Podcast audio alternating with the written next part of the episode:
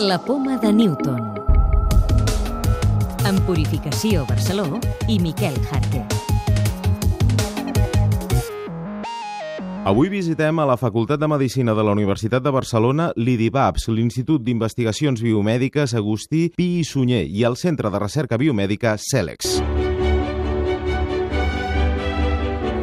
El doctor Ramon Gomis és el director de l'IDIBAPS. La idea de fer aquest tipus d'institut obeeix a que a finals del segle passat hi ha un corrent que pensa que per fer recerca i avançar en el món del pensament biomèdic i per tant tenir eh, troballes que tinguin un impacte a la salut, no n'hi ha prou amb metges, sinó que els metges s'han de vincular als bàsics en un mateix, diríem, canamàs, i que per altra banda, perquè la recerca bàsica tingui una aplicació més propera als problemes que té el malalt, ha de contestar preguntes que li estan plantejant els que estan al costat del malalt. Pugem unes escales i anem ara al Centre de Recerca Biomèdica CELEX. El doctor Francesc Graus és el seu director. Aleshores, aquí hi ha quatre, bàsicament quatre plantes. Cada una d'elles està identificada per un color, està amb un disseny, jo crec, bastant interessant. Ara estem a la lila, no? Sí, eh? i aleshores cada planta és més o menys temàtica. Eh? Per exemple, aquesta és bàsicament d'investigadors de càncer,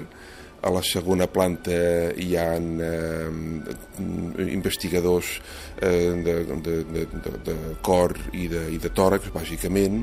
Eh, a la tercera planta és neurociències i a la quarta hi ha la gent que fa sida i, i fenòmens d'inflamació, malalties autoimmunes.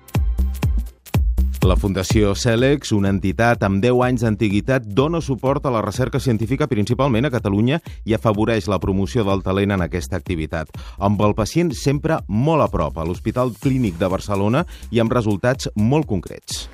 Aquí davant tenim l'hospital, aquí hi ha malalts. Hi ha malalts que fan una inflamació del cervell, que es diu encefalitis. Eh? Fins fa poc l'encefalitis normalment es pensava que era causada per virus. Eh? Gràcies als estudis de, que va fer aquí el doctor Dalmau, eh, ara sabem de que algunes encefalitis eh, són provocades per anticossos que generem en el nostre propi cos. En aquests moments, la Fundació CELEX finança 27 projectes per un import global de 55 milions d'euros. Això la converteix en un mecenes principal de la recerca catalana. Ara, altres notícies de l'àmbit científic en format més curt. Un estudi revela que Floquet de Neu era el vi per una alteració genètica que també tenien els seus pares i que va heretar a causa de l'endogàmia dins la seva família. La investigació ha aconseguit seqüenciar per primera vegada el genoma complet del goril·la. Els científics alerten que l'acidificació del Mediterrani per les emissions de CO2 està afavorint la proliferació de meduses. És una de les conclusions de l'estudi que està fent el projecte europeu MedSea, en el qual participa la Universitat Autònoma de Barcelona. La clau de volta volta. Com és que quan volem saber si la planxa és plou calenta ens llapem els dits, la toquem i no ens cremem? Jordi Ortín, doctor en física, especialitat en física de fluids de la Universitat de Barcelona. Això passa gràcies a l'efecte Leidenfrost.